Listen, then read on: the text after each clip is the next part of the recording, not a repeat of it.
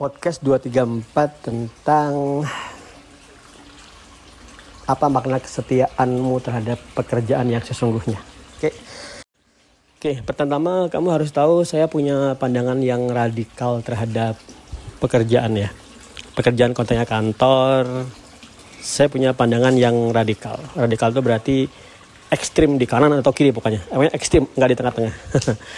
uh, Salah satu yang saya pegang kuat-kuat itu adalah pandangan seperti ini. Kalau kamu bekerja di kantor, yang bukan remote ya, kantor, maka kamu harus meninggalkan semua kata-kata HRD. ekstrim kan? Ya, memang ekstrim saya, pemikiran saya ekstrim.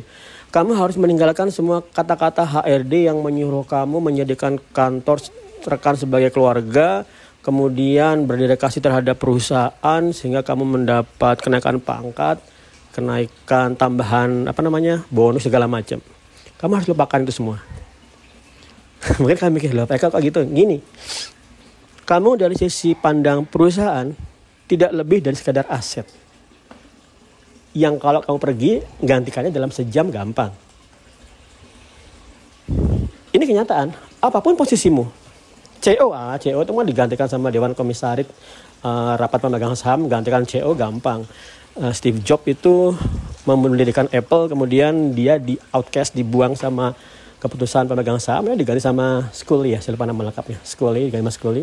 Udah dari sudut pandang perusahaan kalian itu sekedar aset jadi jangan pernah menghabiskan waktu mudamu segala effortmu, usahamu, kerja kerasmu untuk perusahaan. Itu tidak ada artinya. Hmm, ekstrim kan? Sengaja emang saya ekstrim. Terus gimana mas? Maksudnya seperti ini. Kamu dan perusahaan relasinya adalah profit oriented semata. Tidak lebih dari itu. Itu aja. Profit oriented aja dan memang dan memang profit oriented. Misalnya kamu dipandang sebagai perusahaan itu kamu perusahaan itu nggak mandang kamu dengan namamu keluargamu enggak. Perusahaan itu mandang kamu ini anak gajinya berapa ya? Kemudian bisa kita turunin? Atau apa sih yang paling optimal supaya kita profitnya juga maksimal? Itu itu aja. Sehingga misalnya nih uh, ada hai guys guys kita harus kita melakukan outbound outbound perusahaan agar kita sama-sama rekan merasa sebagai keluarga. Itu nggak ada artinya keluargamu sesungguhnya keluargamu yang di rumah.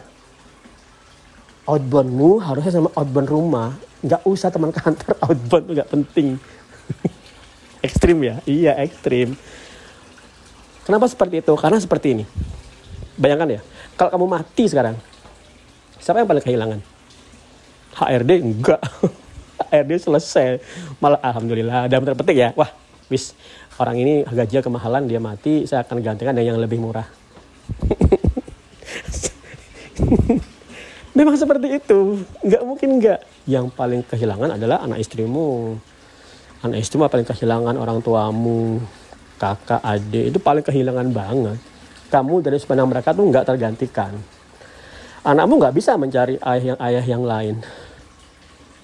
Kalau istrimu bisa ya mencari suami yang lain ya nikah lagi ya. Kalau anak tuh nggak bisa ya, anak tuh nggak bisa. Karena sama lamanya anak adalah uh, buah hatimu. Oke, okay? kalau istri suami bisa digantikan. Nah, uh, dengan mindset seperti ini, jika perusahaan melakukan sesuatu yang membuat kamu menghabiskan waktu di luar waktu keluargamu, maka perusahaan seperti ini harus kamu siap-siap beres-beres pergi aja.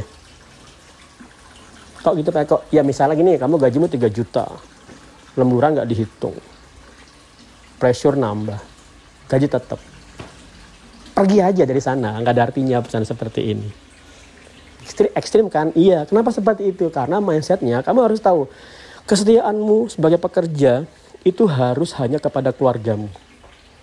Kamu nggak boleh setia sama kantor. Berarti kita harus curang. Enggak, maksudnya seperti ini.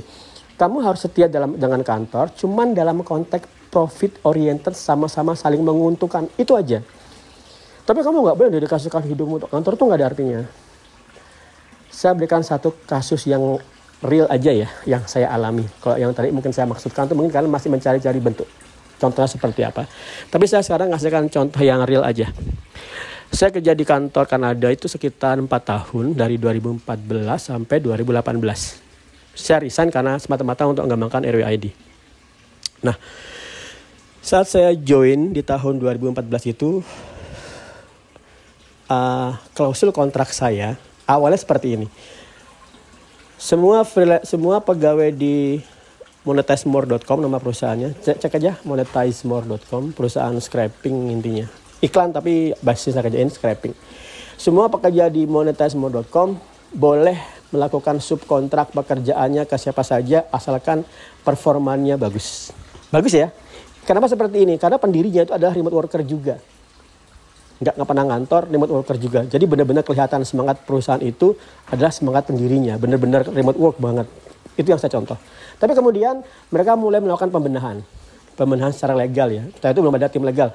Maksud tim legal, tim akunting secara benah. Kemudian klausul kontrak itu diperbaharui. diperbaharui semua pekerja remote uh, semua pekerja di Monetas More tidak boleh melakukan subkontrak ke orang lain. Wajib dikerjakan sendiri.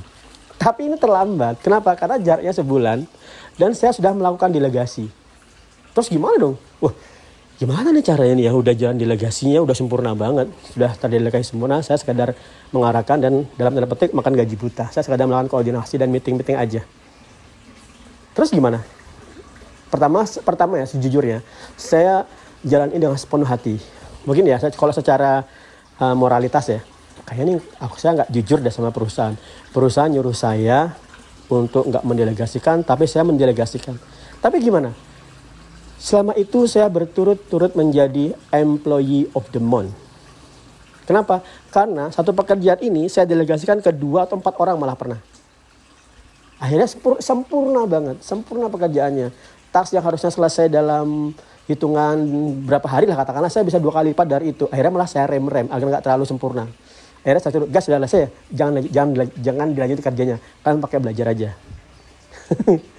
kenapa karena sempurna nah akhirnya itu memberikan saya uh, kesimpulan moralitas yang saya pegang adalah seperti ini selama saya tidak menurunkan performa perusahaan yang artinya profit perusahaan itu nggak berkurang bagaimana cara saya mengajarkan itu terserah saya aja. Meskipun tidak sesuai detail kontraknya. Kenapa? Karena kita harus pahami detail kontrak yang dibuat perusahaan itu sekedar bagaimana profitnya naik itu aja. Andai kata dia tahu saya melakukan delegasi, mungkin dia senang banget itu. Eh kalau itu kamu delegasikan aja nih kan dengan gaji yang itu kamu bisa delegasikan ke beberapa orang kan? Iya, mereka senang banget. Harusnya ya. Tapi kan mereka uh, punya tim legal. Tim legal itu masalah jangan nyebarin kode ke orang lain itu intinya nah ya yang ini tetap harus dipegang kalian harus pegang ini yaitu guys kalian ngejakan proyek ini di bawahku kode ini nggak boleh kamu sebar. Itu aja pegangan utamanya. Tapi uh, bagaimana saya mengerjakannya as long as performa perusahaan itu terjaga fine. Itu nggak masalah. Oke okay, nah ini menjadi mungkin teman-teman yang masih puri, puritan puritan itu murni ya nggak mau melakukan ini mungkin ya. Misal gini, wah nggak enak ya kok kan kita sudah ada klausul tidak boleh mengerjakan perusahaan kerjaan, tidak boleh mengerjakan kerjaan perusahaan lain selama bekerja di perusahaan ini. Misalnya seperti itu kan ada seperti itu Pak Eko. Maka saya saya bilang aja itu dibuat agar dia memastikan kamu mengerjakannya sesuai dengan bayaran dan performanya benar-benar untuk perusahaan. Tapi kamu bisa melakukan trik. Triknya adalah kamu bangun tim bayangan tim delegasi yang nggak perlu kamu kasih, kasih tahu ke perusahaan. Kamu digaji katakanlah 10 juta. Kemudian kamu mulai merekrut anak-anak yang masih baru belajar, kamu ajarin karena masih belajar, mereka pasti mau dibayar 2 juta atau satu setengah. Bebas, bebas nanti naikin sesuai dengan performa mereka. Mereka mau kan kerjain. Siapa yang rugi di sini? Nggak ada. Perusahaan senang karena outputnya bagus. Kamu senang karena bisa menggaji orang. Kamu senang karena waktumu banyak. Kamu, kamu senang karena kamu bisa double job. Siapa yang rugi? Nggak ada. Tapi nggak sesuai kontrak saya detail kan? Iya. Nah ini maka saya melakukan, saya membuat uh, panduan moralitas saya aja, yaitu saya simpulkan aja. Satu, kesetiaan pekerja itu adalah pada keluarganya dulu. Oke. Kedua, selama profit perusahaan itu tidak terganggu dengan performamu yang tetap harus kamu tingkatkan meskipun kamu delegasikan, itu nggak masalah. Ketiga, uh, Ketiga kamu harus tahu. Artinya pertama ya. Kalau ada perusahaan yang menyuruh dengan gaji yang sama memberikan pekerjaan yang lebih sehingga kamu mengulang, menggunakan waktu untuk keluargamu perusahaan seperti ini kamu wajib tinggalin aja.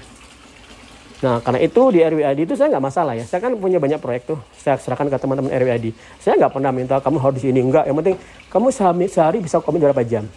Dan saya akan membias sejumlah jam yang di lock itu aja terserah. Wah habis itu kamu mau delegasikan kamu kerjain proyek-proyek lain atur aja yang penting dengan RWAD sesuai dengan kontrak aja sesuai dengan jam kerja aja kamu kerja 4 jam, saya bayar 4 jam. Itu aja. Terserah setelah itu kamu delegasikan, kamu buat agensi, kamu bangun perusahaan-perusahaan baru, itu nggak masalah. Ya kan? Right. Saya ulangin. Kalau dari tiga itu saya ulang satu aja. Kesetiaanmu yang paling utama adalah pada keluargamu. Jangan dengan perusahaan. Oke, okay, thank you.